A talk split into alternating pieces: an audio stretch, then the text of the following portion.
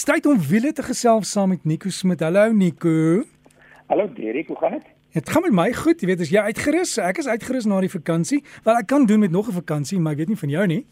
Nee, ek is ek is baie uitgerus. Ek het vandag my eie foon by my eie huis, so ek kan beter wees as laas week. Ja, jy weet die realiteit het jy tussen die oë geklap en nou moet jy voortgaan en weer hoe sê hulle dat daai koppie sak dat jy tik, né?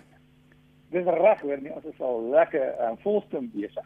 En die motorbedryf natuurlik het slaap nooit nie. Dis dis heeltyd besig deur Desember um, en nou in Januarie.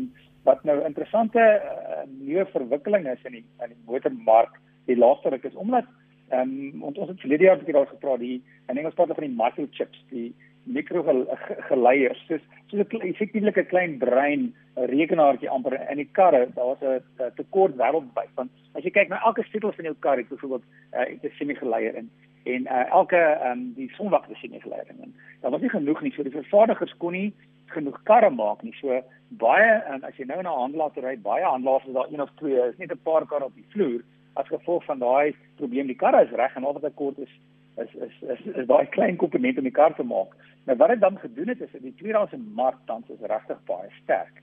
So jy gaan moontlik sukkel om 'n nuwe kar te kry alhoewel ehm um, die die die handelaars waarmee ek gepraat het, lyk dit situasie bietjie beter hierdie jaar. Hulle gaan meer karre kom binnekort in. Maar gewoonlik as jy dan uh, kom ons sê 2 jaar terug as jy 'n voertuig wil inruil, uh, dan kyk hulle na jou voertuig en hulle gee dan vir twee waardes. Hulle gee vir jou in Engels praat hulle van 'n trade en hulle praat van 'n retail. Dit is gewoonlik die taal wat jy die meeste sal hoor. Hulle praat dan ook van die trade waarde as boek. So dit beteken die hulle sal kyk na die waarde en dan sê weet jy wat die die die, die boekie waarde is Afrikaans hulle almal dit gepraat. Dit is die waarde wat ons vir die kar gaan gee en dan is die die die retail waarde die die waarde waarvoor ons die kar gaan verkoop. Met ander woorde, dis gewoonlik hoër. Daar kan hang af van die kar ehm um, 20, 30, 40, 50, partymal self 60000 verskil wees tussen die inruilwaarde en waarvoor hulle hulle hom herverkoop. En dan vroeër het hulle ook gekyk na die toestand van die kar.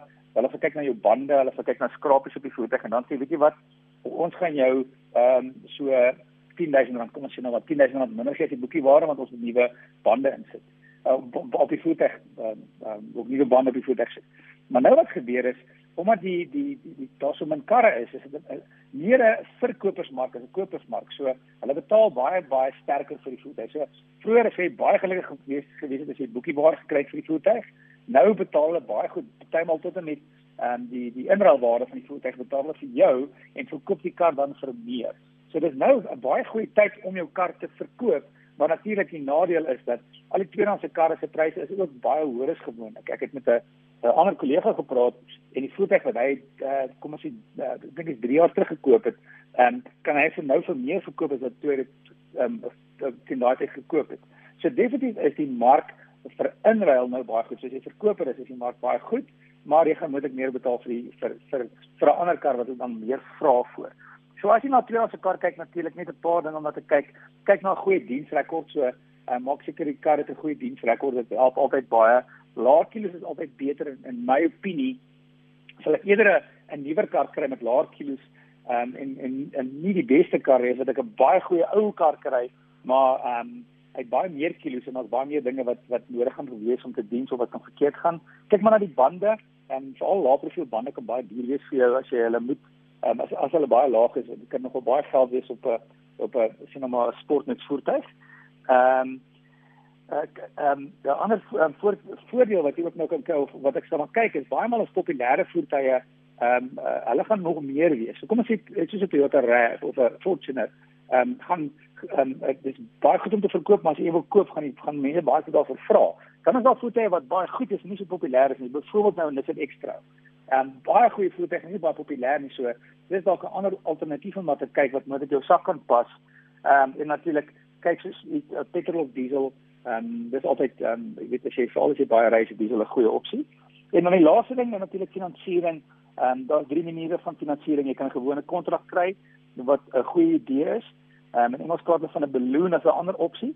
'n Balloon is maar 'n reswaarde, pas op vir 'n reswaarde vir balloon. Dit kan jy uitvang want na die termyn skuld jy nog 'n uh, sekere hoeveelheid geld. So as jy ehm um, goed is met geld en jy kan dit elke maand afbetaal of, of dit wegsit, werk dit baie goed maar my ondervinding is meeste mense doen dit nie regtig nie en hulle kan self bietjie in moeilikheid kry. En dan die laaste ehm um, ehm um, 'n kontrak is in Engels praat van 'n residual of 'n guaranteed future value. Met ander woorde dan dra die bank meer die risiko so hulle sal vir jou sê jy kom as jy die kar sê voor die kar ry jy vir 3 jaar en jy doen 20000 km na die 3 jaar kan jy of die kar teruggee of jy um, 'n nuwe een kry of net wegstap of jy kan die uh, die res van die waarde van die voertuig finansier so uh partymal is daai derde opsie hierdie residual guaranteed value uh future value dalk 'n goeie opsie indien jy minder van die voertuig wil betaal maar dan maak seker dat jy goed na die kar kyk en dat kom ons sê dis 20000 km per jaar dat jy hou braai kilos as dit hoër gaan kan dit ook duur word. Daar is so as jy gaan gaan gaan soek vir 'n nuwe kar uh, hierdie jaar baie sterkte en uh, ek hoop jy kry die regte kar vir jou. As Nico baie dankie vir al daai raad Jan. Mens maar net rondkoop en ook seker maak wanneer jy betaling doen vir 'n motor en die papiere dat daar 'n derde party betrokke is wat wettig is want anders gaan jy jou geld verloor en jy gaan nie 'n kar hê nie. Dis reg. Dis reg en en ook onthou die versekerings, wat ook al die paemente is, die versekerings ook moet nog bykom. So dit ja. nie te veel strek nie. Jy moet nog redelik baie of jy kan betel nog 'n baie vir versekerings betaal. Ja, en gewoonlik met versekerings, jy weet, voor jy met daai motor ry, moet jy seker maak hy's verseker. Anders in daai van daar tot by jou huis kan iets gebeur, né? Weet jy wat ek het al gesien, ek het al gesien by handelaars uitry, gebeur iets met die voertuie. So ja, nee, dis en dit kan met enigiemand van ons gebeur. So ja, ek seker dat versekerings ook in plek. Ja, Nico, ek gaan gou vir jou 'n uh, klip speel. Ek het nou net 'n video greep gekry van iemand wat terugry na Gauteng. Hulle sê dit reën onophoudelik en dis so 'n video greep van die brug by Noupoort. So so 15 minute terug. Dis Isabella de Villiers. Nou wat doen mense in so 'n situasie wanneer jy op 'n pad is? Jy kan nêrens gaan nie. Daar is vloede en jy moet by die huis kom. Luister gou hierna. Kan jy kan jy hoor daar Nico? Nee, ek kan dit nie hoor nie. Okay, ek gaan nou vir jou speel. Kom ek sit net gou die klank aan. Hoor gou daar? Okay. Kom hier hierdie rivier af. Het jy daai gehoor? Sy sê ek het hom gehoor. Ek hoor hom. Kyk net hier kom hierdie rivier af. So ek het daai video greep gou geplaas op die Breakfast Facebook bladsy kan jy sien hoe kom daai rivier daar af. Wat doen jy in so 'n situasie Nico? Moenie ry nie. Weet jy wat Derek, uh, ongelukkig gebeur dit so baie dat voertuie meegesleer word deur die water. As jy nie daardeur kan loop nie, gaan jou kar nog meer sukkel want die kar se se se die, die kant profiel um, is baie groot. So die water lig die kar in en vat hom net weg. So um, verseker as dit reën, as jy nie lyk of jy daar weer kan loop nie, moenie daardeur ry nie. Dit is ongelooflik vir al laafwaterburg hier of weet ehm um, enige plek waar dit lyk soos 'n groot vloed of 'n groot rivier.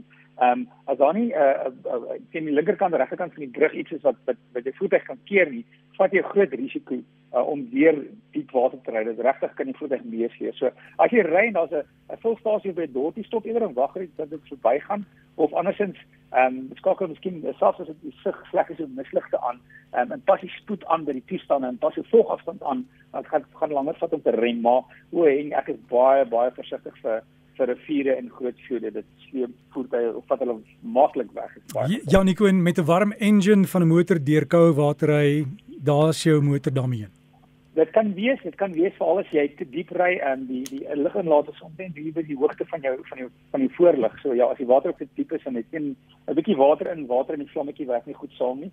So ja, dis maar baie versigtig. Dit is eintlik ongelukkig redelik gevaarlik. Ah, sê Nico baie dankie en alles van die beste en 'n goeie naweek vir jou en veilig by jou bestemming kom asseblief.